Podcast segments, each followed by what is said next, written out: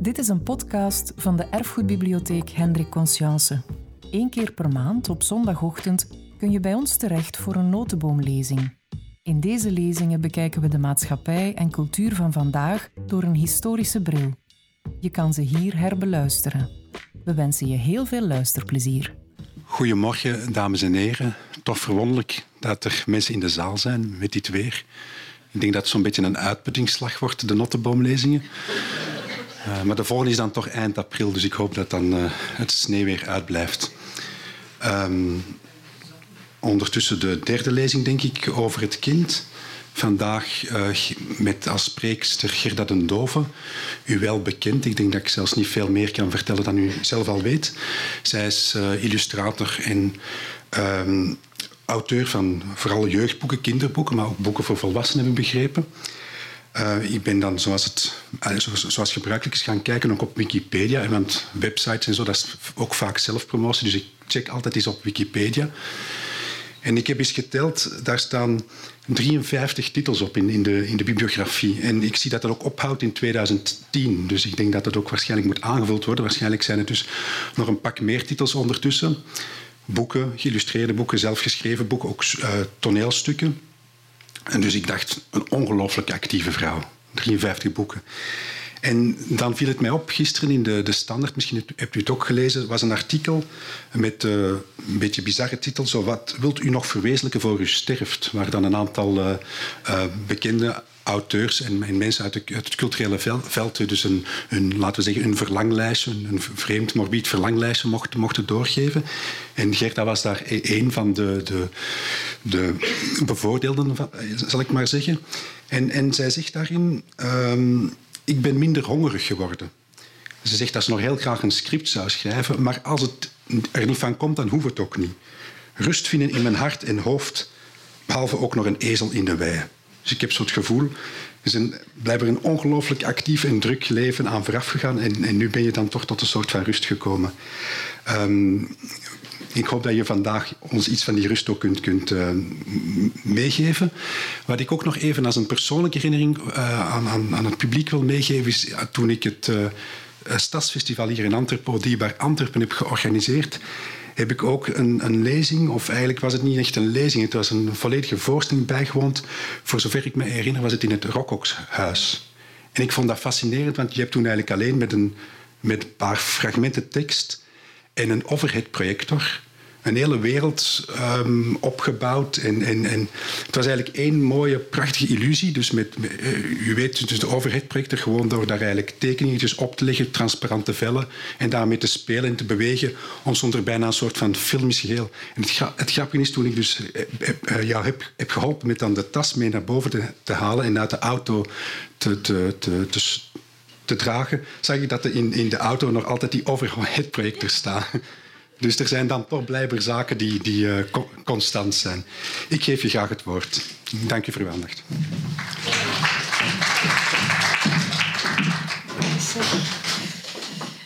Ik ben er al helemaal van opgewarmd, zeg. Oh. Um, ook van mijn kant dank u wel om dan toch met zoveel hier aanwezig te zijn.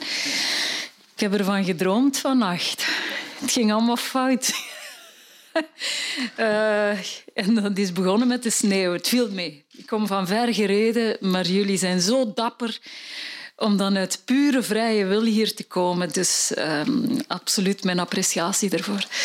Um, wat uh, er net gezegd werd over die rust vinden zal met leeftijd te maken hebben.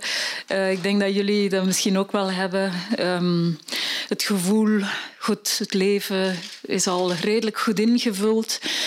En nu alleen nog die dingen doen die erop aankomen, die er echt toe doen. De noodzaak om die dingen nog te doen. En anders, als er niet van komt, ja, dan is het maar zo. Daar ben ik voor mezelf wel blij om, want het is inderdaad een, bij momenten heel druk leven, een um, heel gevuld leven. Ik, uh, ik, geef ook nog les en, uh, aan toekomstige illustratoren. En die zijn wel nog hongerig. En op die leeftijd moeten mensen hongerig zijn en willen, anders gebeurt het niet. Nu, um, wat er net vergeten te zeggen is, is dat ik ook een paar jaar lang officieel kinderconsul was. En kinderconsul is eigenlijk een functie die niet bestaat. Ik heb ze zelf in het leven geroepen toen mij gevraagd werd om een soort vertegenwoordiger te worden voor kinderen, een spreekbuis voor kinderen. En uh, dat heb ik um, na lang nadenken uiteindelijk um, aanvaard. Na mij, dat was een functie aangesteld uh, of in het leven geroepen door Stichting Lezen. Na mij is er nooit nog een kinderconsul gekomen. Ik ben de enige echte uh, kinderconsul tot uh, ja, het einde der tijden, denk ik. Of op zijn minst mijn, mijn einde. En vanuit die gedachte wil ik jullie vandaag een en ander vertellen over mijn bekommernis omtrent kinderen mijn uh, engagement in de dingen die ik doe, de boeken die ik maak, de teksten die ik maak, de vertellingen die ik doe. Afgelopen paar weken of maand was het Jeugdboekenweek. Ik ben in heel veel klassen gaan spreken, voor heel veel kinderen gaan spreken. Tot ja, dat ik er ook wel wat moe van word, maar tegelijkertijd telkens opnieuw als ik dan klaar ben met mijn voordracht en ik geef mij dan ook uh, eh, 200 procent eigenlijk, want is, uh, ja, ik gooi mij volledig met overheid of computer en nog veel meer, dan denk ik altijd die kinderen in dat klasje, um, laten we zeggen dat het een groot deel dat dat allemaal wel dik in orde is, maar dat er toch altijd kinderen in zo'n groep zitten die nooit een verhaal voorgelezen krijgen, die nooit een boek in hun handen krijgen. En dan denk ik voor die paar kinderen die hierbij zitten, kan ik misschien het verschil maken? Kan ik misschien wel de zin om te lezen aanwakkeren? En inderdaad, toevallig, nu ik erop denk, deze week zat ik uh, ergens in een klasje en er was één jongetje dat zei, oh, lezen, ik lees niet graag, ik lees nooit. Ik heb nog nooit een boek gelezen. Het was tien jaar oud, denk ik. En ik weet niet of dat het achteraf uh, ja, tot andere gedachten is gekomen. Maar dan is het voor mij eventjes toch zo'n beetje peper... Uh, ja, peper eh, in mijn broek, zal ik maar zeggen. Om toch te proberen dat kind... Um, ja, te prikkelen voor verhalen, om misschien in die bibliotheek eens te grasduinen naar boeken. Niet noodzakelijk mijn boeken, maar laten we zeggen dat we daarmee beginnen. Dus uh, dat is eigenlijk hetgeen wat mij drijft. En nog meer dan vroeger die bekommernis voor kinderen. Nu, toen mij gevraagd werd om te komen spreken, ik vind het altijd fijn om voor een zeer geïnteresseerd publiek te praten. En ik heb zo'n aantal thema's waar ik altijd wil over praten. En een van de dingen die mij ook heel erg bekommeren is um, verbeelding. Het belang van verbeelding. En daar, daar uh, sluit ik meteen iets anders bij aan. Dat is verveling. En mijn gedachte is, als er verbeelding is, is er geen verveling. En verveling is op zich niet zo slecht. Er, is alsmaar meer om te doen dat een moment van verveling niet per definitie negatief moet zijn. En dan dacht ik, misschien wil ik daar toch ook eens over uh, spreken bij een groep die uh, kinderen heeft, denk ik, of kleinkinderen, of toch misschien wat kleinere kinderen in de buurt omdat wij tegenwoordig in een maatschappij leven waar de dingen moeten, waar alles entertainment is, waar die kinderen geanimeerd moeten worden, omdat die ouders natuurlijk zo'n schrik hebben dat ze het fout zullen doen, ehm, dat ze steken laten vallen, dat ze niet genoeg aanbieden. En dus proppen ze die leventjes voor die kinderen maar vol uit angst dat ze zouden falen. En vanuit die functie van kinder kinderconsul heb ik daar heel vaak over geschreven, ook in de krant. Um, en toen kwam ik erop uit van um, het is ook belangrijk dat een kind zich verveelt, omdat het net vanuit die verveling moet beslissen van zal ik een boek lezen of zal ik met een hond gaan wandelen als er een hond is um, of de ezel voederen als er een is um, of zal ik met de blokken spelen of kleuren of iets anders doen. Een kind moet op dat moment beslissen en het is niet iemand anders die voor het kind beslist. En dat is zo belangrijk in een later leven, dat mensen leren beslissen hoe ze hun tijd invullen. Zodanig dat ze niet afhankelijk worden van alles wat er voor hen wordt beslist en gepresenteerd. En um, het is een beetje vanuit die gedachte dat ik dacht, ik zal jullie eens iets vertellen over mezelf. En daar begint eigenlijk mijn leven als tekenaar, als schrijver. En het begint zo. Ik hoop, voilà. Kennen jullie ze nog? We zitten in de Notteboomzaal. Ik weet niet of er van deze boeken in huis zijn hier. Dit is mijn jeugd. Misschien is dat ook jullie jeugd. Hier ben ik mee opgevoed. En uh, ik zal een stukje lezen uit een theatertekst die ik ooit schreef. En het begint zo. Ik zal u iets vertellen over lang geleden. En het is echt gebeurd. En het gaat over mijzelf. En ik lig in de zetel, want ik ben ziek. En mama is weg, voor eventjes. En naast mij, op de vloer, een zakdoek vol snot, want ik ben ziek. En drie stapels boeken. Suske Jommeke, dat zijn er niet zoveel, want dat lees ik niet zo graag. En tiniboeken. Veel tiniboeken. Want zolang ik leef, en ik ben op dat moment ja, een jaar of acht, denk ik. Dus zolang ik leef, mag ik ieder jaar ofwel naar de Pinksterkermis op de molens gaan zitten of aan het viskraam zo iets gaan vangen, of ik mag een boek kopen. Maar een boek, zegt mijn moeder, kan je de hele vakantie lezen. En de volgende vakantie nog een keertje en daarna nog een keertje. Terwijl die molekes, dat is direct afgelopen. En die vis, ja, die is direct afgelopen eigenlijk ook. Hè. Je weet dat wel, hè, met dat soort visjes. Dus wij, mijn zussen en ik, we kiezen altijd een boek. Een zusje en Wiske of een tini. En de rest kent mijn moeder niet en is dus ook niet goed. En daar lig ik dan in die zetel met al die tiniboeken en ik bekijk die prentjes en ik denk, wow, daar wil ik ook zijn. Alles in die boeken ademt harmonie en veiligheid en netheid.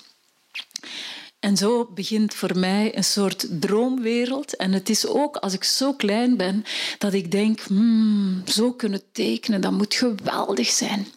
Nu, waarom laat ik ook dit prentje zien. Het is eigenlijk redelijk belangrijk. Tini, de allereerste Tini, is verschenen in 1954. Ik um, denk 54, 55. Ik wil er nu vanaf zijn, maar ik denk dat het 54 was. En hier zie je Tini uit het eerste boek. Tini gaat op reis. Ze zit met haar pop uh, uh, cacao.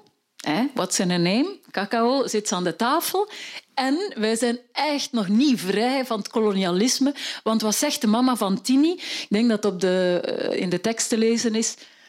Um, ja, ze zegt, je moet, leren, je moet leren lezen en schrijven, zegt ze tegen haar dochter. En op een andere pagina staat, want als je niet leert lezen en schrijven, zul je nog dommer worden als cacao, want die kan niet eens haar naam onthouden.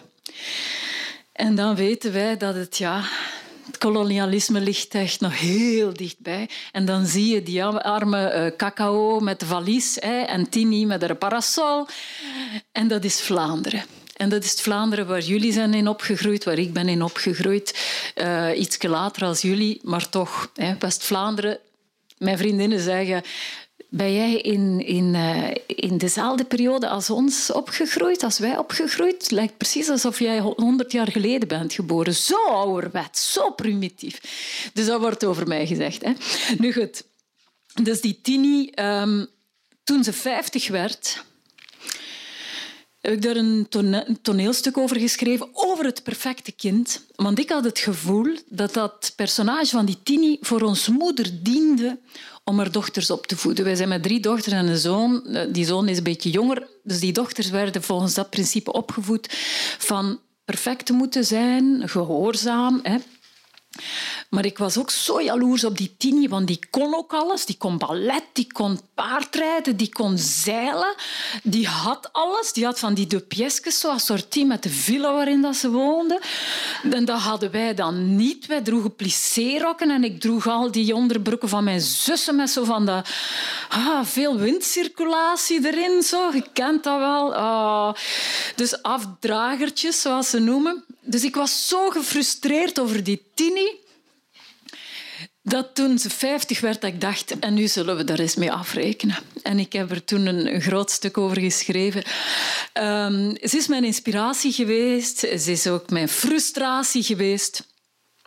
Maar ik moet er meteen bij vertellen, op het moment dat Tini bij ons, de jaren 50, heel veel aanhang vindt, is er ondertussen in Nederland Jip en Janneke, die van een heel ander kaliber zijn. En nog een beetje verder, in de jaren 40 en 41 al, schrijft Astrid Lindgren Pippi Langkous. En wij komen dan 15 jaar later met iets dat zo rolbevestigend is, zo behoudsgezind. En dan denk ik, oh, Vlaanderen had nog een hele weg af te leggen. Nu, hoe dan ook, het heeft mij geïnspireerd om, um, om later te willen tekenen, om verhalen te vertellen. En uh, wat er ook belangrijk is, is deze prent.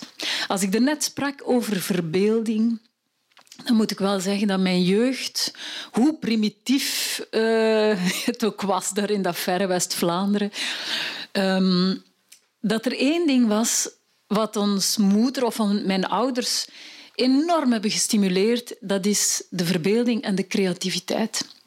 We hadden een kot eh, achter in de tuin waar er kon getimmerd worden, waar ik vooral ging gaan timmeren en van alles doen. En omdat wij niet met de dochters of met de meisjes niet zoveel mochten buiten spelen bij andere vriendjes, speelden wij met ons drietjes samen. Mijn broer was er nog niet toen. En wij speelden wel vijf keer elke zomer. Tini speelt toneel.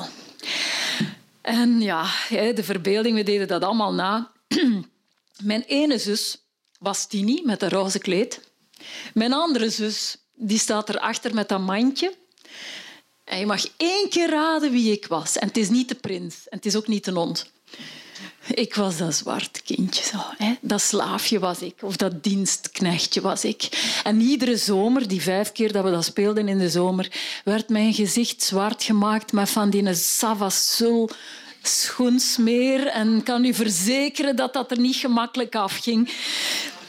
Ik heb er echt wel iets van opgelopen van die Tini, maar tegelijkertijd heeft mij fantastische uren opgeleverd waar wij met ons drieën in onze verbeelding all the way konden gaan. Waar we toneeltjes speelden, waar mama en papa dan kwamen kijken. En we hadden van alles getimmerd op de werkbank, dat dan weer ineens stortte. We hadden zo geen zolder en zo geen kleren. Maar het werkte en het lukte. En dan denk ik, boeken kunnen zoveel zijn. Boeken um, zijn niet alleen om te lezen, maar zijn inderdaad die verbeelding. Zijn ook dingen die u inspireren om er iets anders mee te gaan doen. En um, vanuit die gedachte uh, wil ik jullie een aantal dingen vertellen, ook over het belang van boeken en onder andere over mijn werk. Eens kijken wat er hierachter... Ja, Tini, dat was ook zo, kent dat wel. Heel veel onderbroekjes, dat heb ik ook in mijn tekst geschreven. Oh, ik moet iets, jullie iets vertellen. Toen ik um, al een tijdje bezig was kreeg ik de vraag van de standaard: wilt u een interview gaan doen met de tekenaar van Tini? Je moet nooit uw idolen gaan opzoeken. Dat is een regel waar iedereen zich moet aan houden. Ik heb het toen wel gedaan. Ik was jong en hongerig, eh, zoals er net werd gezegd. Dus ik ging de tekenaar opzoeken. In Wallonië woont hij. En ehm, ik, was, ja, ik was heel enthousiast, want ik vond dat een, heel straf getekend allemaal. En ik herinner mij dat ik toen ook gefascineerd was door altijd die onderbroekjes. Dat moest toch niet? Hè? Die rokjes konden toch een halve centimeter langer zijn. Zo, hè?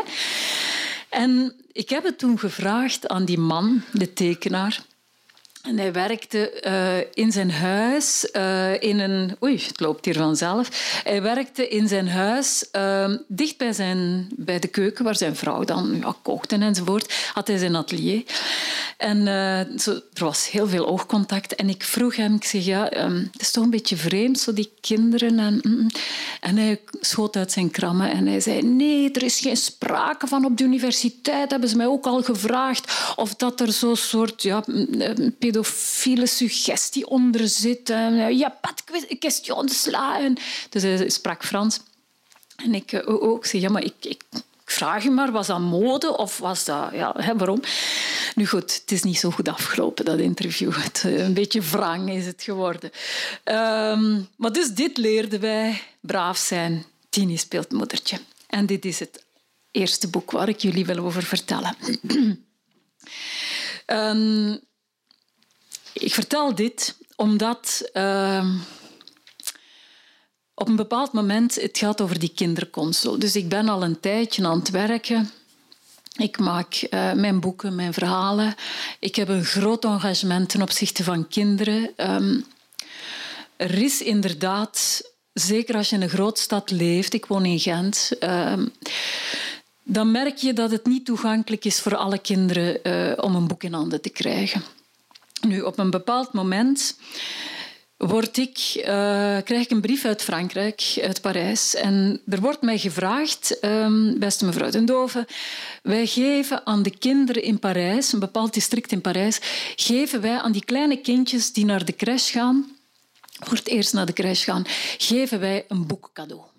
En dat heeft ermee te maken dus dat sommige kinderen verstoken blijven van literatuur. En het heeft er ook mee te maken dat wij vinden, hoe vroeger je begint met een culturele opvoeding of de smaak voor boeken aan te reiken, de smaak voor muziek, voor ja, heel veel dingen, sport, maakt niet uit, hoe meer iemand er deugd van heeft voor de rest van zijn leven. Dus de vraag is ook, wilt u een scenario maken voor een prentenboek voor jonge kindjes? Um, wij willen een aantal prenten uitgewerkt, niet zoveel, een paar. We willen een volledig draaiboek geschetst zien. En voilà. En um, tegen een bepaalde datum moet het binnen zijn. Ik was niet de enige aan wie ze het vroeg. Het was een wedstrijd. We waren met vijf. Ik was wel de enige Vlaming. Dus ik krijg die brief en bon, het schijnt dat dat ook een eigenschap is van West-Vlamingen, dat die zo, uh, ja, ik weet het niet, een beetje heftig zijn, of we noemen dat concurrentieel zijn. In ieder geval, ik kijk naar die brief en ik denk, boh, ik heb één kans op vijf dat ik dat win. Ik ga daar niet aan meedoen. Ofwel win ik, ofwel doe ik niet mee. Zo trots ben ik dan. Dus de gedachte dat ik niet zou kunnen winnen was al genoeg om te zeggen, ik leg dat opzij. Bovendien dacht ik, als ik moet beginnen schetsen, niemand kan mijn schetsen lezen, ik alleen. Ik vind dat belangrijk. Ik zeg dat ook altijd aan mijn studenten. Verschiet uw energie niet in, in een schets, want als je het moet voor echt doen, is er soms iets in uw lijn die verdwijnt of een spontaneiteit. Dus hou je schets sumier hè, en dan steek je alle, alle energie in de uitvoering. Bon, dus schetsen niet leesbaar. Het feit dat ik niet kon winnen, dacht ik, bon, doe al niet mee. Dus ik leg die brief opzij. Uh, tot een paar weken daarna. Ik ben mijn bureau aan het opruimen. Ik vind die brief. En dan komt de echt West-Vlaming boven. Ineens zie ik dat ik betaald word. Zeg, wow. Ik word betaald voor mijn voorontwerpen. En dat is evenveel als we hier in Vlaanderen... Het was denk ik zelfs meer als ik hier in Vlaanderen krijg voor een volledig uitgewerkt boek. Dus we zitten hier in een fantastische bibliotheek. Vlaanderen is uh, rijk aan boeken, maar doordat het een klein taalgebied is, verdient een schrijver, tenzij dat hij een echte bestseller van ja, 50.000 exemplaren of zoiets schrijft, verdient eigenlijk een schrijver niet zoveel. Um, door het feit dat Nederland dan toch nog een beetje een andere groep is, wordt het nog lastiger. Dus eigenlijk tekenaar, schrijver, zeker voor kinderboeken, die verdient het zout in zijn patatten niet. Nu goed, ik dacht uh, eens kijken, wauw, ik krijg dus evenveel alleen nog maar om een voorstel te doen. Hmm, dacht ik, alright, dan moeten we toch een tandje bijsteken. En um, ik ben toch beginnen werken aan het boek. En um, het was tegen de deadline en ik dacht, ja, ik ga toch proberen om geen schetsen te maken. Ik, ik knip en ik plak twee weken aan een stuk, dag en nacht. En eigenlijk was dat boek ongeveer klaar. En het gaat over het verhaal van Roodkapje. En je ziet dat meisje er staan met een grote naald. Ze heeft net die buik van die wolf dichtgenaaid. En het deed mij een beetje denken aan Jeanne d'Arc. Ik dacht, ja, het is voor Parijs. Hè. Dat is zo die Jeanne d'Arc die er staat. Ze heeft iets overwonnen. En voilà. Hè. Alle allusies. Mensen die het willen begrijpen, die snappen het. Voilà het belangrijkste is gebeurd. Het uh, denkt het kind, ik denk dat Roosje Rood heet in het boek. Ik heb die een buik dichtgenaaid en voilà. En nu gaan we vertrekken. Nu gaan we naar huis. Nu, ik moet een paar dingen erbij zeggen. Ik heb nu niet al mijn materiaal meegebracht. Ik dacht, ik maak een boek en ik maak zo'n zigzagboek omdat de kinderen dan ook, die hele jonge kindjes, twee, drie jaar, die kunnen ook met de vorm van dat boek, hè, dat is een soort, uh, ja, dus de pagina's niet, zitten niet zo vast dat je zo kunt bladeren. Nee, dat is zo, ja, een zigzag accordeonboekje noemen wij dat. En daardoor zie je, of dat is de reden waarom je een stukje ziet nog van dat blauw, dat bos, dat uh, de volgende prent aankondigt. Dus ik maak zo'n vorm dat er ook iets creatief kan gebeuren voor die kinderen die nog niet kunnen lezen. En uh, zo gaat het meisje, Roosje Rood, gaat ze op zoek naar haar mama. Dat is het moeilijkste ding. De mama terugvinden. Het is gebaseerd dus op een sprookje en alle figuren die verder in het boek komen zijn eigenlijk ook sprookjesfiguren. Dus dat kind dacht, oh, die een buik dichtnaaien, dat is het allermoeilijkste. Nee, nee, wat is het allermoeilijkste? Naar de moeder gaan, de weg terugvinden. Dit is, dat zijn nog eh, voor, voorstudies, ze zijn nog niet helemaal af. Um, dus op een bepaald moment ze is aan het roepen en ze roept mama, mama, hoe heet u? En dan hoort ze zo een stemmetje zeggen, uh, of ze krijgt een, sneeuwbal tegen haar hoofd en... Uh, staat er een zwart, een, zwart dwergje. Zo, hè. En het meisje vraagt van... Uh, ik ben op zoek naar mijn mama. Kunt u mij helpen? En die dwerg zegt... Oh, een mama! Dat is interessant. Wij hebben wij dat ook niet, want we zijn met zeven, maar wij hebben geen mama. Is het goed als wij meegaan met u? En zij zegt, oké, het is goed, kom er mee. Ze um, ontmoet Duimelot en Duimelijntje. Ze ontmoeten drie biggen. Ze ontmoet eh, de schone slaapster. En allemaal zeggen ze, hmm, moeder, interessant. We gaan met u mee. Ze komen overal. Uh, ze zijn al een beetje helemaal... Noemen ze dat? Uh, ja uitgeput. Dit prentje met die paddenstoelen, als ik zeg over verbeelding, is belangrijk. Ik had zo'n prentje gevonden in een boek over een tentoonstelling waar er paddenstoelen aan het plafond hingen. En ik dacht, hmm, dat is wel interessant. Ik zal dat gebruiken hier. Dat geeft zo het gevoel van, we zijn helemaal uitgeput. We zijn, ah, ons hoofd is zo, gaat in alle richtingen. Mensen vragen me dan altijd, dat is zo'n beetje psychedelisch zo, hè? Zo padstoelen in de lucht, dat wilde precies zeggen. En dan denk ik, hm, ja, gewoon. Hè. In ieder geval, ze lopen door. Dat kind blijft maar roepen, mama, hoe heet u? En inderdaad, op een bepaald moment hoort ze de mama die zegt, ik ben hier. En uh, kom, het is langs hier. En dat meisje begint te lopen naar haar mama. Hè. Lopen, lopen, lopen. De mama zegt, kom, oh, schatje, waar was je nu zo lang? Maar achter dat roosje rood zijn er, er nog dertien van die, van die rare eh, ja, kornuiten die allemaal roepen mama, mama. En die moeder staat er en die denkt, oh, ik had er eentje verwacht. Maar ik had er wel geen veertien verwacht. Oh, denkt ze, oh, oh. Ik vind de rol van een moeder heel belangrijk. Ik ben zelf moeder. Ik heb er ook lang over nagedacht. Ik ben er nog altijd niet uit wat een moeder is of moet zijn. In ieder geval, die mama denkt of zegt van, bon... Oké, het is goed. Uh, komt maar allemaal binnen. Um, dan word ik de moeder van jullie allemaal. Heb. Ze gaan allemaal binnen. Ze zijn er veilig. Plots wordt er aan de deur geklopt. De moeder doet open. Wie staat daar? De boze wolf. En die zegt... Ik wil ook een mama, zegt hij.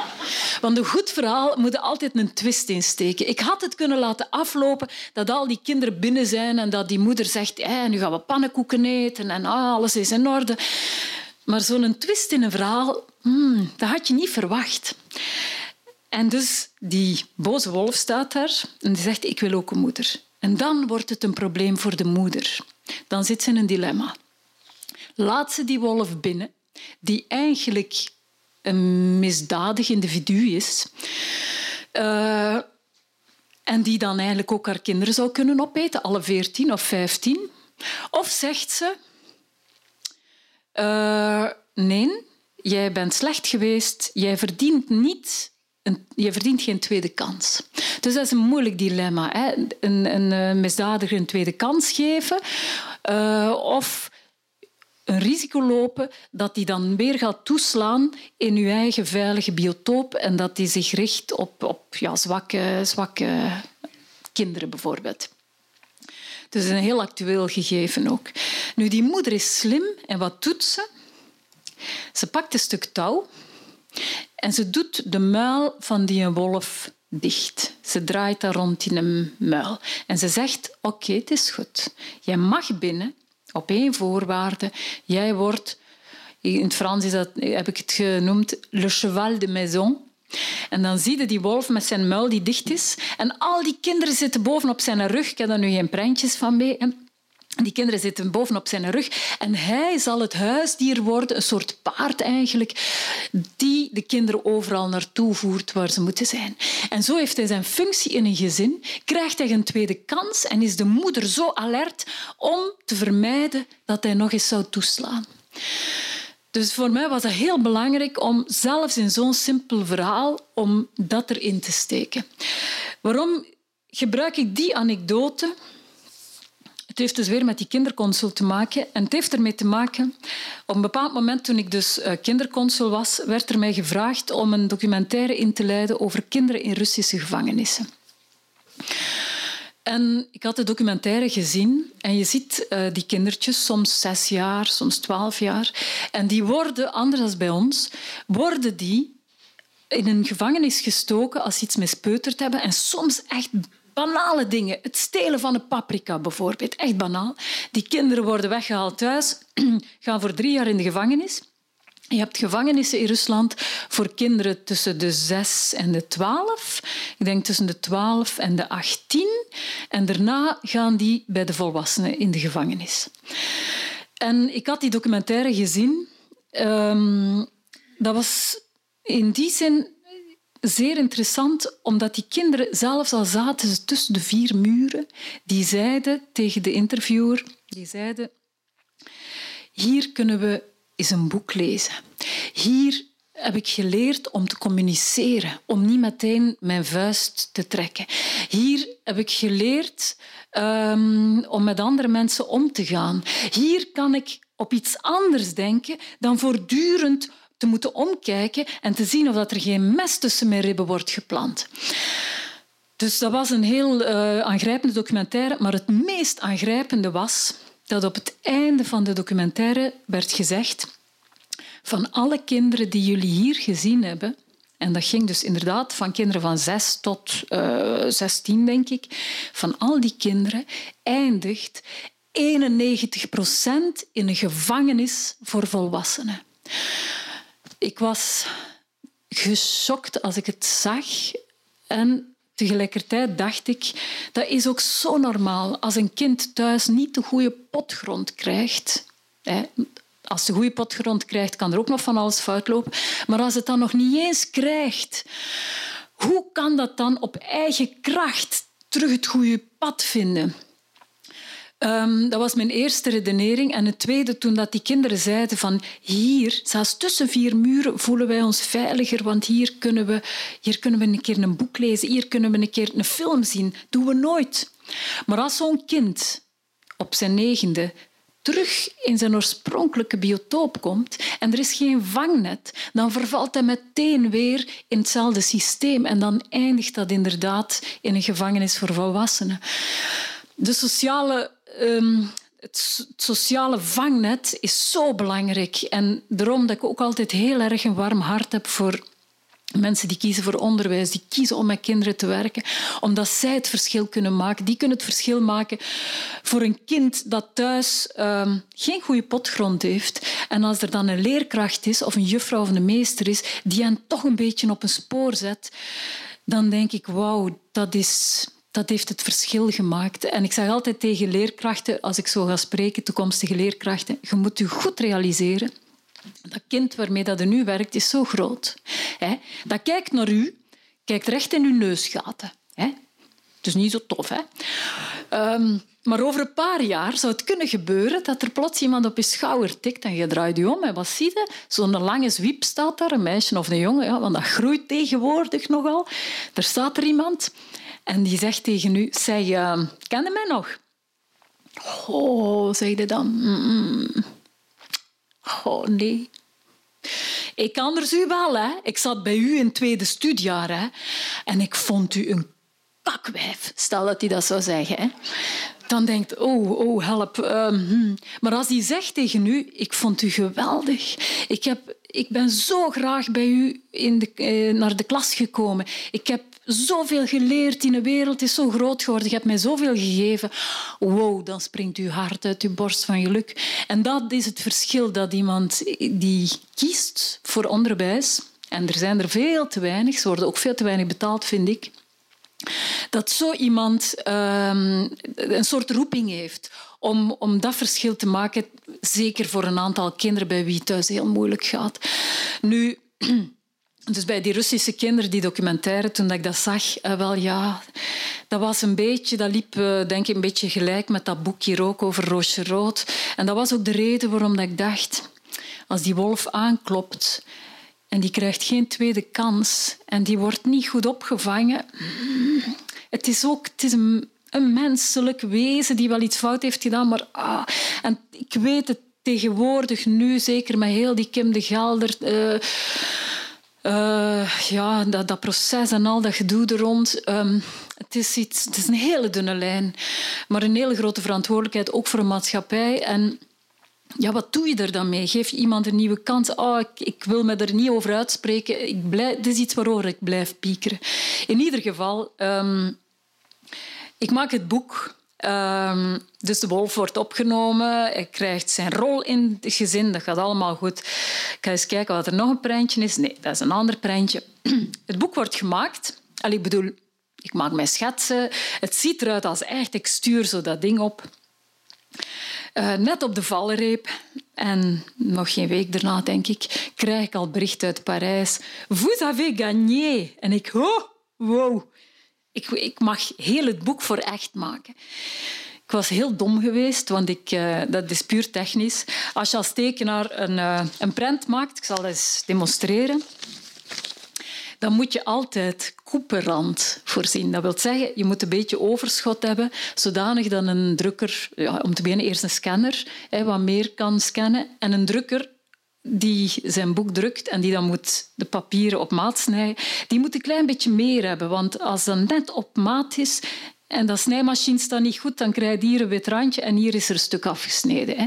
Dus dat is een puur technische aangelegenheid. En ik was natuurlijk, omdat ik dacht, bon, we maken dat rap. Hè. Was ik zo dom geweest om op maat te werken. Hè. Just groot genoeg. En er waren nog een paar dingen die moesten veranderen, dus ik moest toch opnieuw beginnen. En plus, dat Leporello-boek, we noemen zo'n accordeonboek een Leporello-boek, dat was zo duur in uitvoering dat ik dacht, dat ze mij zeiden, ja, dan moeten we dat in China laten uitvoeren. En dan dacht ik, ja, maar ja, die kleine vingerkin, uh, kindervingertjes, dat is dan weer voor happy few zo. En die, die kinderen zitten dan voor rijk luiskindjes hier boeken ineen te steken. Deontologisch kon dat niet. Als het bij ons moest gebeuren, was het zo duur dat het ook weer voor Happy Few was. Dus ik zei, oké, dan wordt het niet zo'n vorm van een boek, maar wordt het een gewoon boek. Maar nu komt het hele belangrijke. De rest was zomaar intro. Hè. Um, het boek is gemaakt die um, ja, hoe noemen ze dat, opvoeders en mensen van het eerste leerjaar in uh, Parijs, of eerste kleuterklas in Parijs, die krijgen allemaal, voor elk kind, uh, krijgen die zo'n boek. En die moeten ook met het boek in de klas werken. En een paar maanden daarna word ik uitgenodigd om eens te horen hoe dat dan nu was om ermee te werken. En ik zit, ik kom ertoe. Uh, er is een zaal, ja, zo, niet zo mooi als deze, maar een, een gewone zaal. zit helemaal vol mensen, vooral vrouwen. Want onderwijs en opvoedkunde, het is eigenlijk meestal een vrouwaangelegenheid. Er is denk ik één man. Um, ja, er wordt, ik doe mijn uitleg en dan zeg ik, en hoe was dat nu voor jullie om met het boek te werken? Jullie zijn stil maar jullie worden niet verondersteld van iets te zeggen, maar bon, Ginder dus wel. En dat blijft stil. En ik denk, oh jee, dat is geen goed teken. Uh. Dus ik zeg, ja, hè, steek maar van wal. Hoe was dat precies? Er is een mevrouw die haar hand opsteekt. En Het is een, een, ja, een bijna zwarte mevrouw, denk ik. Heel, heel donker. Ze is gesluierd. Uh, dus ze heeft de hoofddoek aan, lang, lange jurk. Steekt haar hand op en ze zegt... Um, waarom is dat moedertje zwart? En ik, uh, uh, ik zeg, ja... Ja, je hebt ik kon niet meteen zo'n antwoord verzinnen, want ik had er nog niet zo over nagedacht. Ik zeg, ja, er zijn blanke moeders die zwarte kindjes adopteren, zwarte moeders die blank adopteren, dus dat kan van alles zijn. Ik zeg, maar ik, voor mij is puur een uh, esthetische keuze. De kleuren zijn heel licht in het boek, zijn zo lichtblauw, lichtroze en zwart geeft een goed contrast. En zeg ik, en plus, het is een soort hommage aan een tekenaar die ik heel goed vind, Fiep Westendorp. Dat is de tekenares van Jip en Janneke. Ik zeg, dat is eh, een soort eerbetoon aan Jip en Janneke. In die zaal gaat dat direct Je? En ik, uh, ik zeg, uh, Je Janneke. Ze kennen dat er niet. Hè. Dus zo, zo uh, relatief is bekendheid. En ik eh, probeer dat nog uit te leggen. Maar ik zeg, wat is eigenlijk uw probleem met dat zwart mevrouwtje? of dat zwart moedertje? En dan antwoordt die mevrouw. Zegt ze, ik vind dat dat niet kan, een zwarte moeder in een boek. En ik denk, wacht, ik heb het fout begrepen. Dus ik vraag dan nog eens. Ik zeg, maar de, is ze niet mooi of gezellig of geestig? Jawel, jawel, maar eigenlijk kan dat niet. Hè. Ik ben nog altijd niet uit of ik het heel goed begrepen heb. In ieder geval, op dat moment draai ik een beetje de vraag om. En ik zeg, um, bijvoorbeeld een prinses in een boek, mag die zwart zijn? Non, zegt die mevrouw. En dan denk ik, oeh, oeh, dat is iemand die zelf zwart is. Die zelf al met zo'n uh, laag zelfbeeld zit. Die ook vindt dat er bepaalde uh, clichébeelden moeten gepresenteerd worden van dit is goed en dit is minder goed. Dat ik denk, wauw, en die moet aan onze kindertjes zo'n boek vertellen, heel neutraal. Die moet een, een wereldbeeld brengen dat veel breder is. En dan is dat haar visie Onder andere op zichzelf, maar ook op de wereld. Het hele vreemde is, onlangs zei mij iemand, ja, er is zo'n test gedaan met de poppen. En uh, met blanke poppen en met zwarte poppen. En er moest verteld worden uh, door kinderen. Um, dus moesten ze de karakters beschrijven van de witte pop, dus de, de, de vleeskleur, allez, onze huidskleurachtige pop, en van de zwarte pop. En zelfs de zwarte kinderen die omschreven die zwarte pop als stout, als toch wel wat lastig, als niet zo tof. En die, die, um, die blanke pop, die was lief, die was schattig. En dan denk je, oeh, dat zijn dan ook de clichés die die kleine kinderen al hebben. Dus die mevrouw, zeker die daar met die kinderen moest werken. Nu, ik was heel erg geschrokken. Um, de mensen in de zaal ook. Maar toen kwamen de tongen los. En de hand ging op. En er was een mevrouw die zei... Ik moet u nog iets zeggen, zei ze. Die een wolf. Toen dat we dat boek kregen... En we zagen die wolf, en hij komt er een stuk of drie keer in. We zagen die wolf met zijn lange tong, met die grote tanden, met dat raar oog. We dachten, oh nee, die kinders, jongen, oh, die zullen het in een broek doen, die zullen s'nachts niet kunnen slapen. En wij gaan het weer mogen oplossen. En uh, ze zei, ja, wij hadden geen zin om dat te laten zien. Maar, zei ze, bon, we moesten het doen, we hebben het gedaan. En, zei ze, ik moet u iets vertellen. Want de volgende dag, we hadden dat boek gelezen, de volgende dag kwamen er een aantal kinderen meteen naar de hoek, naar die boekenhoek. Ze pakten dat boek van u. Ik zal eens tonen, zei ze, wat ze ermee deden.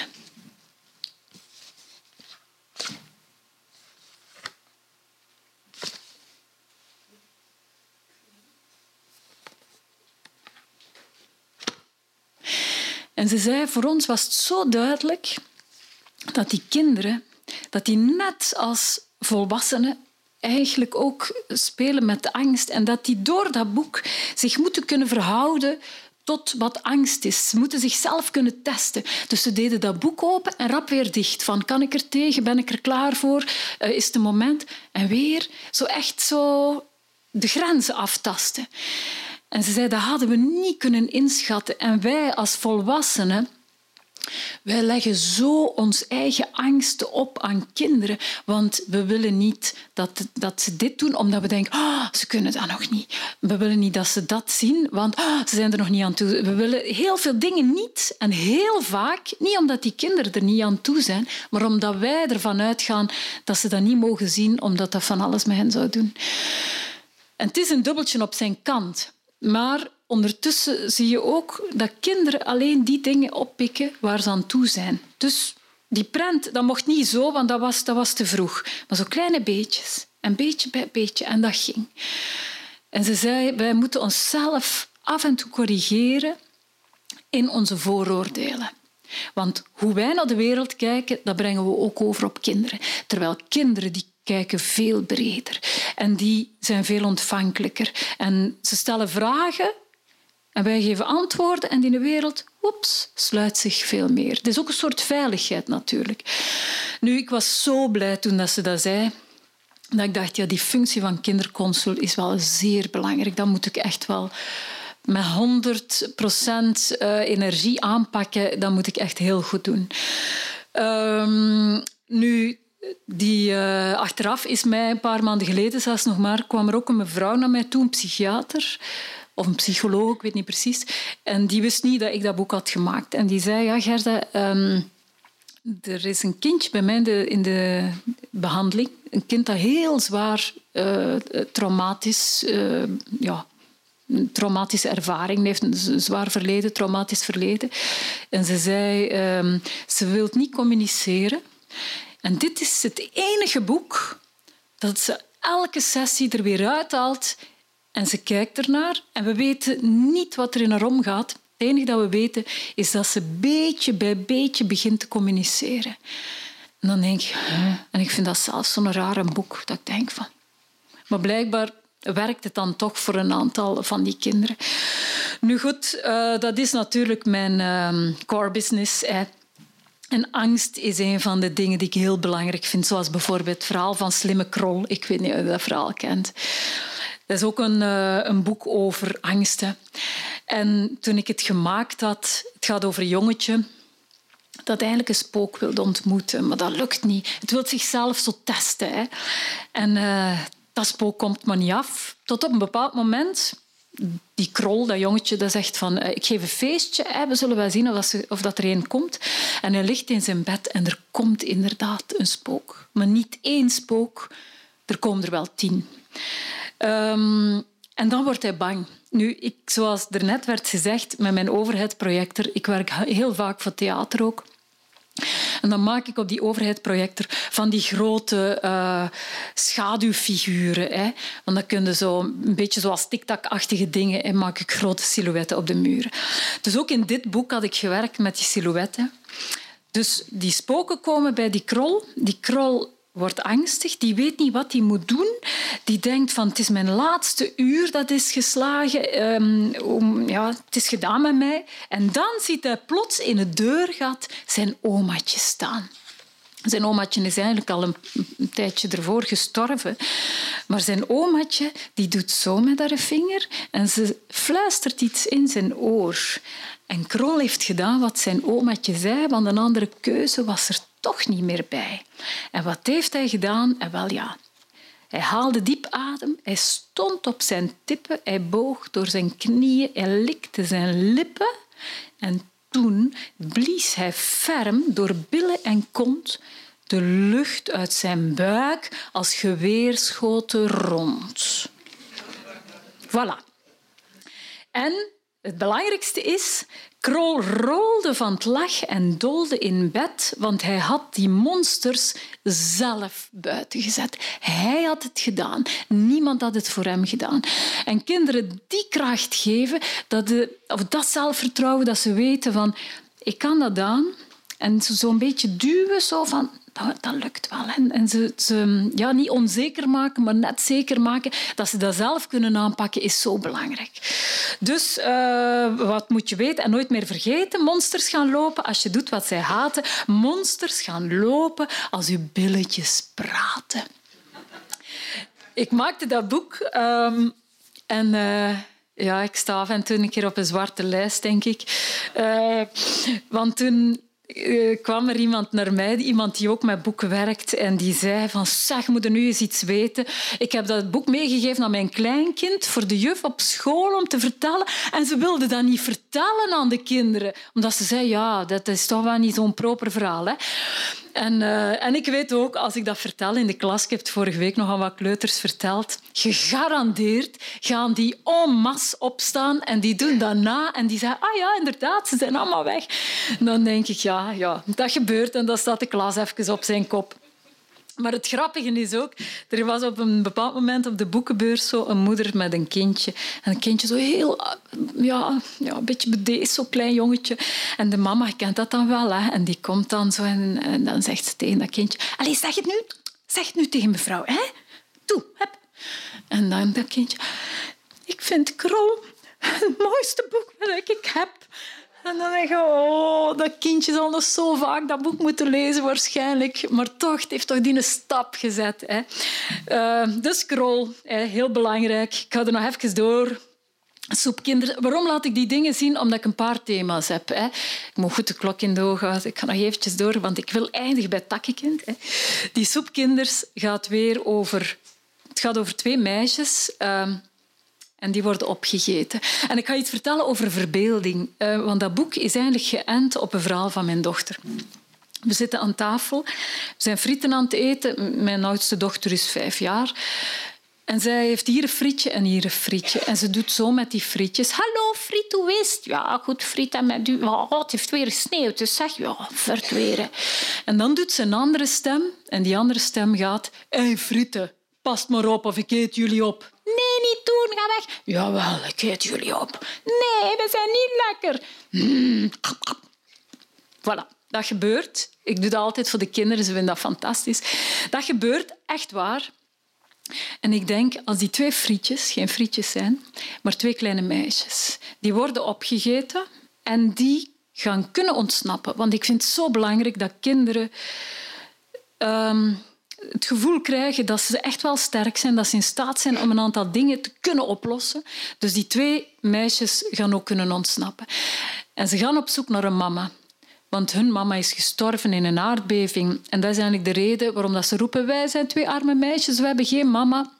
En iedereen die ze tegenkomen zegt van, oh weet wat, zullen wij jullie mama worden? Wij kunnen wij dat ook. Maar iedereen heeft zijn eigen prioriteiten.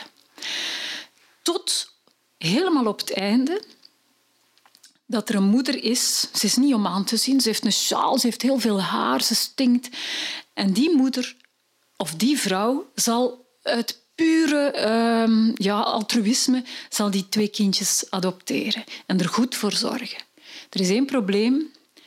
Wederzijds marcheert dat niet goed, want ze, ze stinkt, ze zegt niet zo... Ja, hè, aaibaar. En die moeder vraagt, of die, die ja, adoptiemoeder, zegt op een bepaald moment tegen die kindjes... Lieve meisjes, ik zie jullie zo graag, maar waarom knuffelen jullie, knuffelen jullie mij nooit een keer? En dan worden die meisjes stil. Er is een voorstelling van gemaakt in het paleis, jaren geleden. En op dat laatste moment dat die moeder zegt waarom knuffelen jullie mij nooit is, dan gaan die meisjes weg. Dat staat ook in het boek. Ze komen terug en ze gaan een soort extreme makeover doen. Ineens staat er dan zo'n roze verschijning, zo op hakken. Dat is een man die die rol speelt, maar fantastisch.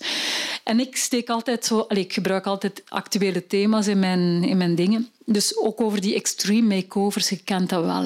Zo'n moeder die helemaal eh, wordt omgebouwd en dan zie je zo de televisie en de camera's en dan zie je die moeder van een trap komen en die kinderen staan er. Oh, is dat our mama? Oh, oh no, oh no. En dan denkt oh help. En dan moet die zich opnieuw verhouden tot iemand die helemaal er anders uitziet dan hun moeder. Zo'n vreemde situatie. Dus ik stak er een beetje de draak mee. Maar het belangrijkste komt nog. Die kinderen staan daar. Uiteindelijk, die moeder is roze en aaibaar en al wat dat wilt. En dan wordt er geroddeld. Dan wordt er gevraagd aan die moeder door de buurt, zegt die kinders, zijn dat eigenlijk uw dochters? En die moeder zegt, ja, dat zijn mijn kinderen, ik zie ze doodgraag. Oké. Diezelfde roddelaars vragen aan die meisjes, zegt die moeder, zijn jullie moeder? En dan wordt het stil op dat podium. Er wordt niets gezegd. Ik zat tijdens die voorstelling in de zaal. Het was een zaal, 300 kinderen, eerste, tweede leerjaar. Die, zaal, die vraag wordt gesteld, is dat jullie moeder? Dat blijft stil op dat podium. En ineens is er een kindje uit de zaal dat heel hard roept... Nee, dat is niet een moeder. En vanuit een andere hoek van de zaal is er een ander kind dat roept... Jawel, dat is wel een moeder.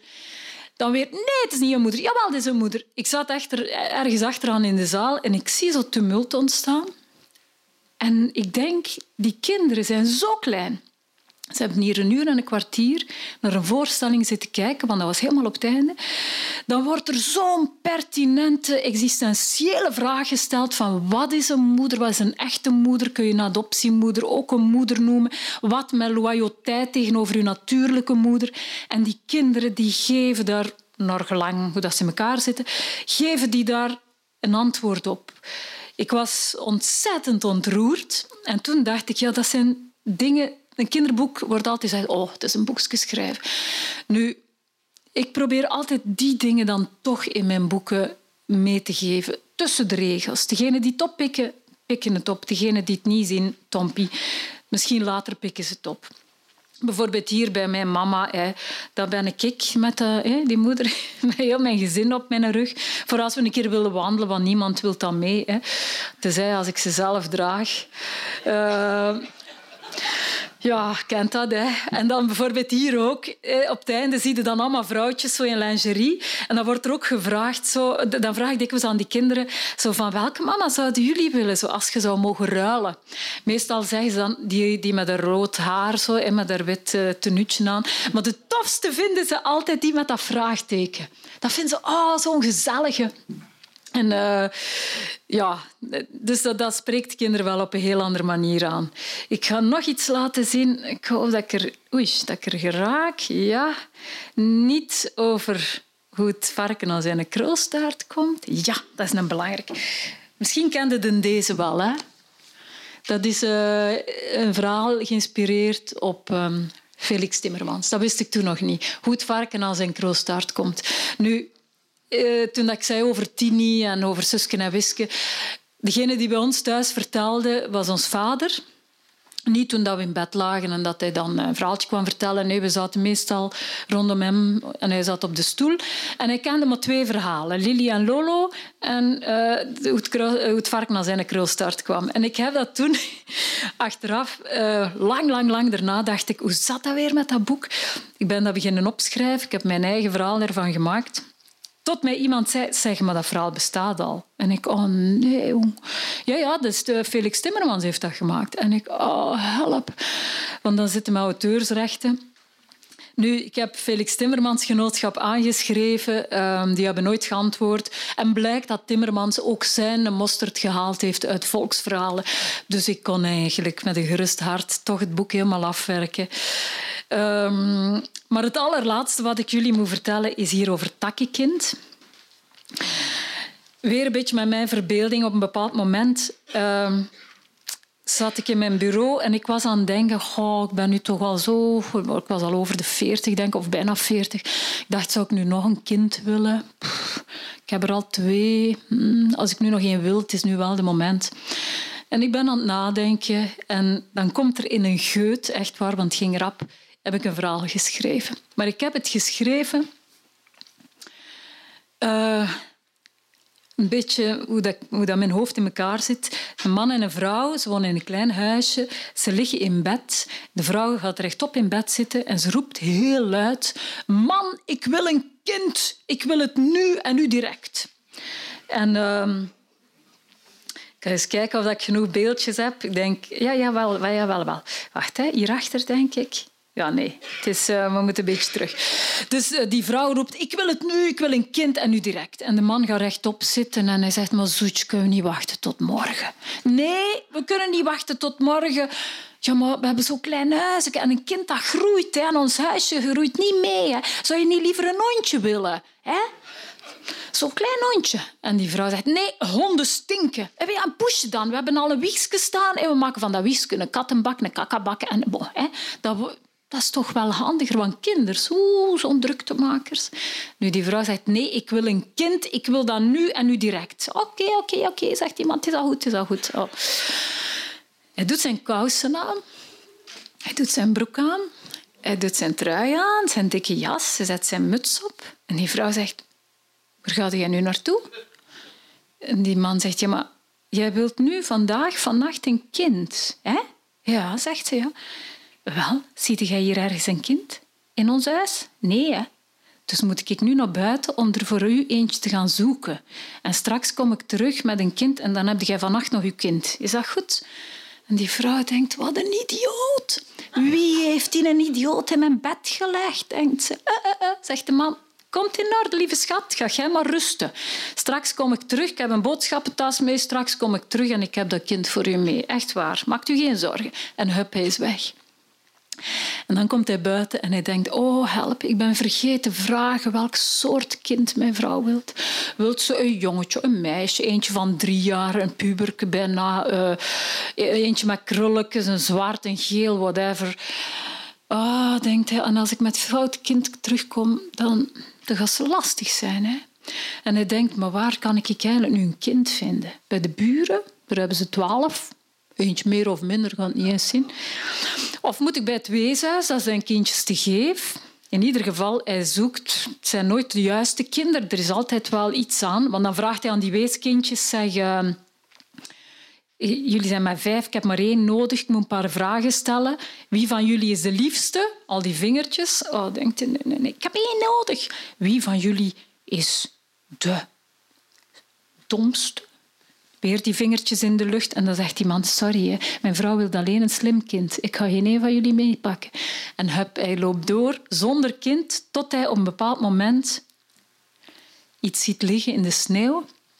Een boomstronkje met de armpjes, beentjes. En die man zegt, weet wat, pak dat mee. Mijn vrouw gaat het verschil niet merken. Toch niet vannacht. Hè. En hij steekt het in de tas. Hij komt thuis. En uh, die vrouw zegt, en, en, en, heb je iets mee? Ja, zegt hij. Allee, laat het zien, laat het zien. Hij doet er een dekentje rond, komt met dat bomstronkje. Die vrouw komt kijken en ze zegt, zo raar. Hè? Maar zo ruw velke. Hm. Kan toch niet, hè? Waar heb je het gevonden, man? in de sneeuw. Oh, zo erg. Is het jongske of een meisje? En dan zegt man, het is een boomstronk, het is geen kind. En ze pakt dus, wil ermee haar man op zijn hoofd slaan. Ehm, en ze zegt, eh, geef het hier, ik pak de bijl, ik hak het in splinters. Je zult zien, het is een boomstronk en we zullen er nog warmte van hebben ook. En ze hakt, maar ze hakt fout, want ze hakt een stukje van de, van de duim af van de man. De vrouw kan niet tegen bloed, ze valt direct flauw. En de man ligt met dat boomstronkje op zijn borst gaat hij in bed gaan liggen. Hè. Die duim blijft maar bloeden. Zo, hè. zo wordt het stil in huis. En de volgende dag doet hij zijn ogen open. Dat stronkje ligt er nog.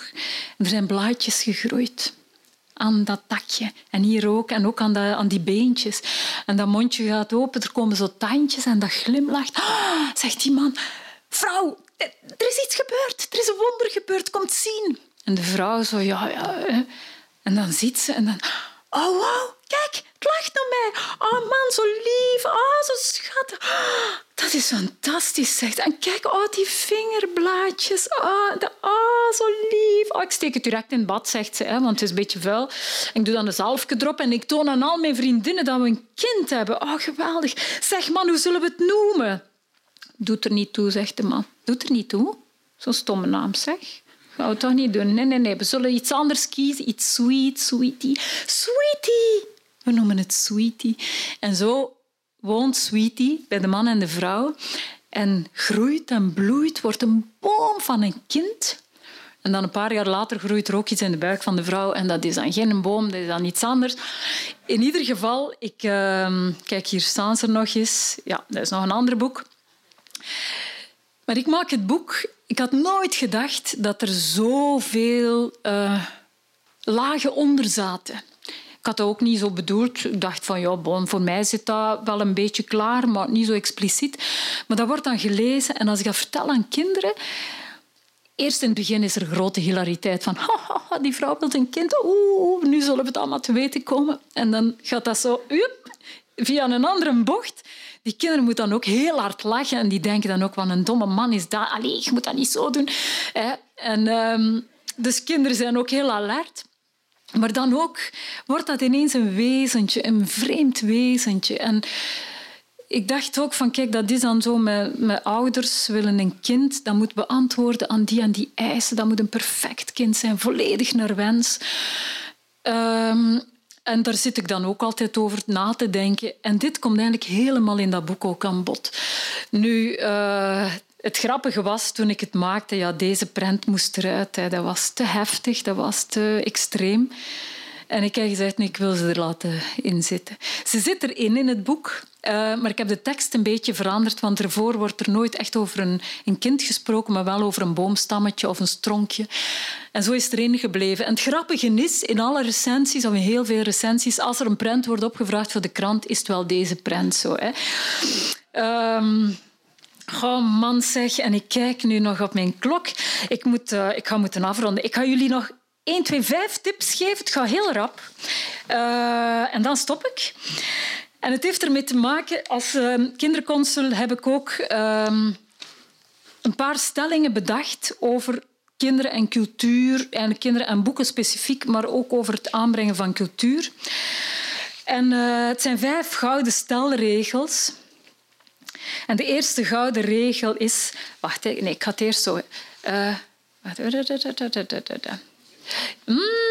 Ja, dat is wel iets belangrijk, een belangrijke quote.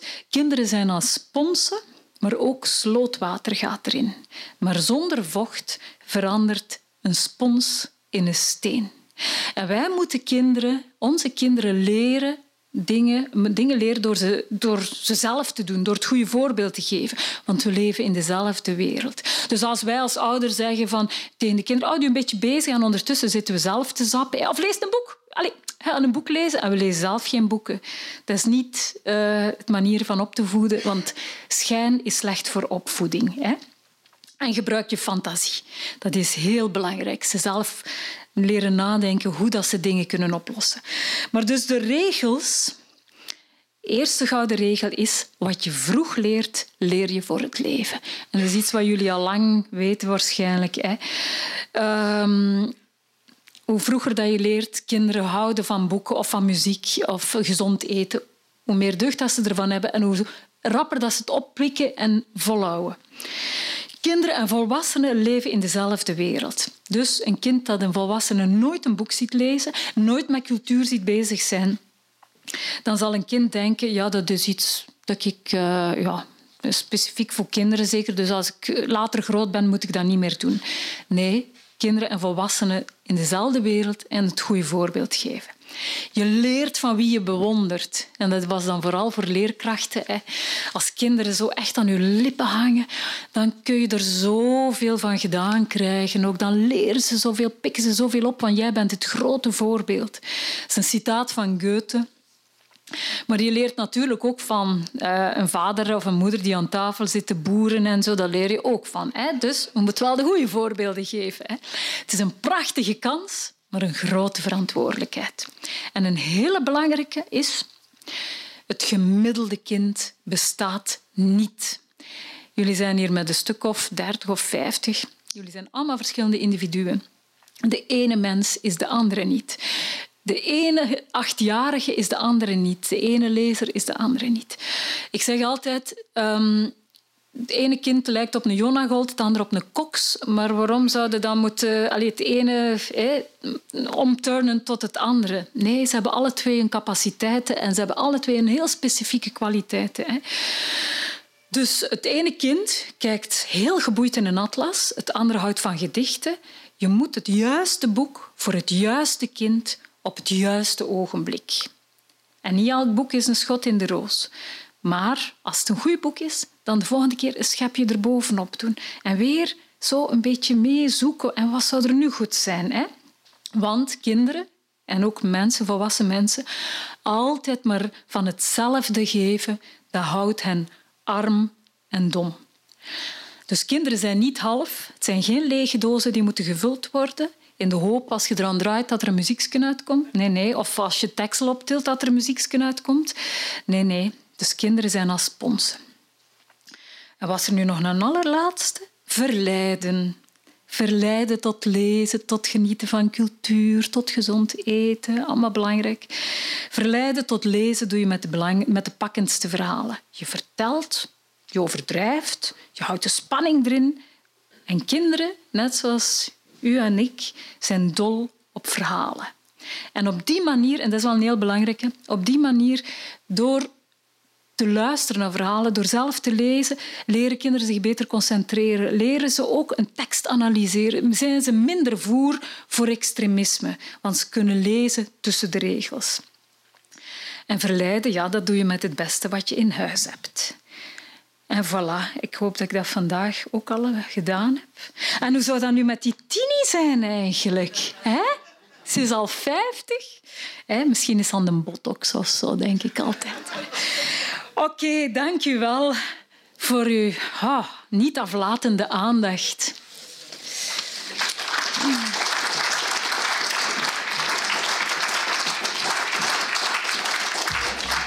Je luisterde naar een podcast van de Erfgoedbibliotheek Hendrik Conscience. Wil je nog een andere lezing beluisteren?